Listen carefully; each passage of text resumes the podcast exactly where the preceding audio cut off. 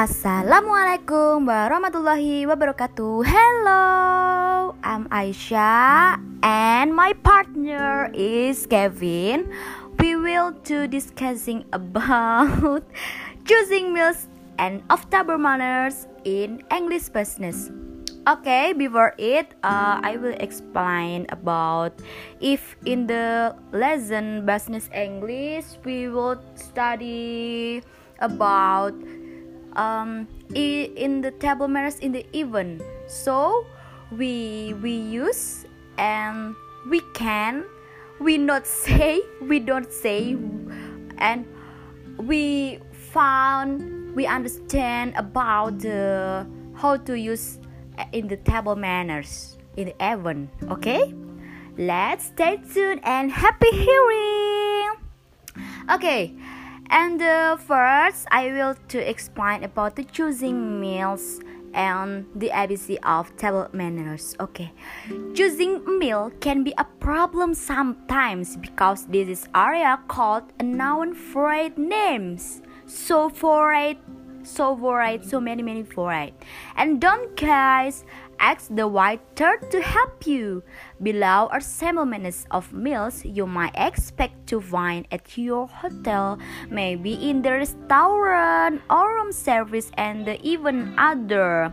Don't let number of knives, forks and spoons confuse you? Are you confused? yes, uh, often me too. How to use it is simple enough. Use them in the order in which they are laid. Okay, example minutes. Uh, in breakfast uh, at 7 a.m. until 9 a.m. We breakfast use grapefruit, pineapple, tomato. Three include juice and porridge, cereal, bacon and egg, boiled egg, scrambled egg, fish, toast and marmalade, tea and coffee. And the afternoon tea until 5 p.m. and 6 p.m. we drink tea, coffee, brown and white bread and butter to to um maybe to la eh no no no to to uh, um I'm forget what's it. Uh, maybe this to branch. Yes, branch. This branch. And not branch. It's afternoon tea. Rails, sandwich, cake, small and large. Okay. Read and remember the following formulas and attitude. The ABC of the manners. Yes, this is a regulation. 1. Don't attract undue attention to yourself in public. Okay? And 2. When eating, to take as much as you want, but eat as much as you take. You understand? Okay, and the 3. Don't eat too fast or too slowly. Cut as you eat. and 4. Take a little of every dish that is over to you. And 5. Sit up straight and rest the table. Don't pat your elbows on the table while eating. Okay? Don't forget. Don't reach across the table. Simply say, Would you please pass the salt? And the other seven at a small party don't start eating until all are served. At a large party, it is not necessary to wait for all. The hostess gives a signal to her kids by saying, Start eating! Please, your food will get cold. and the eight, no, there, there is no rule about eating everything on your plate to indicate that you have had enough days knife and fork together. Not crash, crash, crash. No, no, no, no. And nine, when refusing and this simply say no, thank you. When accepting, Yes, please. With smile. At the ten, don't leave the spoon in your cup when drinking tea or coffee. So feeling good, feeling good, like I should. When I took around the world in neighborhood. Oh, sorry, sorry, I, I'm singing. And the last, Don't empty your glass too quickly. It will be promptly revived and you will find that you have drunk more than you intended. Okay, this is um regulation about choosing meals of table manners. Okay, so you understood and don't say and because you understand to how to use table manners okay and thank you wassalamualaikum warahmatullahi wabarakatuh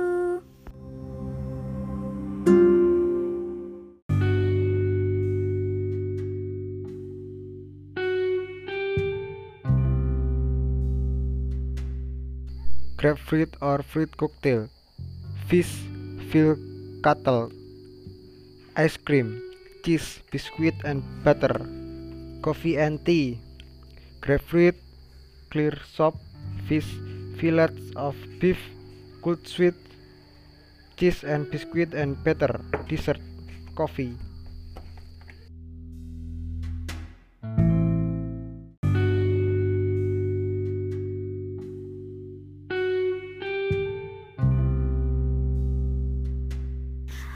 Assalamualaikum warahmatullahi wabarakatuh. Welcome back to my podcast. Me Aisyah Brilian from Islamic University of Balitar English Department semester 7 um, Want to make podcast about supervisi manajemen pendidikan. Nah, di sini sebelumnya aku akan menjelaskan tentang macam-macam macam supervisi manajemen pendidikan. Tentunya kalian udah tahu kan uh, supervisi pendidikan itu seperti apa. Nah, di supervisi pendidikan itu memiliki model-model, yaitu model supervisi itu mengalami perkembangan dari waktu ke waktu yang tidak terlepas dari keadaan masyarakat dan pemerintahan serta perkembangan ilmu pengetahuan yang terjadi pada saat itu. Nah, dengan kata lain, dinamika masyarakat dan pemerintahan telah mempengaruhi model supervisi yang diterapkan. Nah, Model supervisi pada masa peralihan setelah kemerdekaan bersifat pengawasan. Modelnya berbentuk pembinaan dan penilaian terhadap kepala sekolah dan guru dalam memajukan mutu pendidikan. Pada waktu selanjutnya, berkembangnya ilmu pengetahuan dengan segala prinsip ilmiahnya merubah model supervisi yang diterapkan dalam pendidikan. Begitu juga dengan keadaan masyarakat di alam demokrasi ini yang penghargaan terhadap sesama manusia dijunjung tinggi juga mempengaruhi model supervisi yang digunakan. Oke, okay, berdasarkan um, apa ya? Berdasarkan introduction di atas uh, sangat menarik untuk mengetahui model-model apa sih model-model supervisi. Kok punya model segala? Ya nah ya dong karena kalau uh, kalau nggak ada modelnya kan nggak bagus gitu kan nggak nggak nggak bagus lah pokoknya. Dan aku di sini akan menjelaskan uh, model-model supervisi pendidikan supaya um, pendidikan kita nanti kualitasnya lebih meningkat, lebih bagus dan pokoknya tambah yang lebih better semua lah ya. Nah, model-model supervisi pendidikan yang ada itu diklasifikasikan oleh berbagai ahli. Nah, pertanyaannya bagaimana model-model supervisi pendidikan? Nah, model supervisi konvensional itu yang pertama itu yang model pembelajarannya itu tradisional. Nah, itu bisa dikatakan model konvensional. Model konvensional berkaitan erat dengan keadaan masyarakat ketika itu yang otoriter dan feodal. Pemimpin cenderung mencari-cari kesalahan dalam dan menemukan kesalahan. Dengan demikian, berpengaruh terhadap model supervisi yang mengadakan inspeksi untuk mencari kesalahan dan menemukan kesalahan bahkan bersifat memata-matai. Kemudian yang kedua adalah model supervisi ilmiah. Model supervisi ilmiah memiliki ciri-ciri yaitu dilaksanakan secara berencana dan kontinu, sistematis dan menggunakan teknik tertentu, serta menggunakan instrumen pengumpulan data dan memiliki data objektif dari keadaan yang real. Dengan kata lain, model supervisi ilmiah mengarah kepada cara-cara ilmiah dalam melakukan supervisi. Kemudian hasil penelitian yang ilmiah tersebut diberikan kepada guru-guru sebagai umpan balik dan pedoman perbaikan mengajar pada semester berikutnya. Dan yang ketiga adalah model super model supervisi klinis. Supervisi klinis adalah suatu proses pembimbingan dalam pendidikan yang bertujuan membantu pengembangan profesional guru dalam pengenalan pengajar melalui observasi dan analisis data secara objektif, teliti sebagai dasar untuk usaha mengubah perilaku mengajar guru. Kemudian ada keempat adalah model artistik, mengajar selain sebagai knowledge dan skill tetapi juga art, begitu juga dengan supervisi yang merupakan pengetahuan, keterampilan dan juga dan juga suatu kiat. Supervisor yang mengembangkan model artistik akan menampakkan dirinya dalam relasi dengan guru-guru yang dibimbingnya. Sedemikian baiknya sehingga para guru merasa diterima. Adanya perasaan aman dan dorongan positif untuk berusaha maju. Sikap seperti itulah mau belajar mendengarkan perasaan orang lain, mengerti orang lain dengan problema yang dikemukakannya, menerima orang lain apa adanya sehingga orang yang menjadi dirinya sendiri itulah supervisi artistik. Nah, itulah tadi ya guys um, sebuah cuplikan tentang model pem, model manajemen supervisi pendidikan. Nah, untuk lebih lanjutnya uh, semoga kita dapat bertemu di sesi selanjutnya, di casting selanjutnya.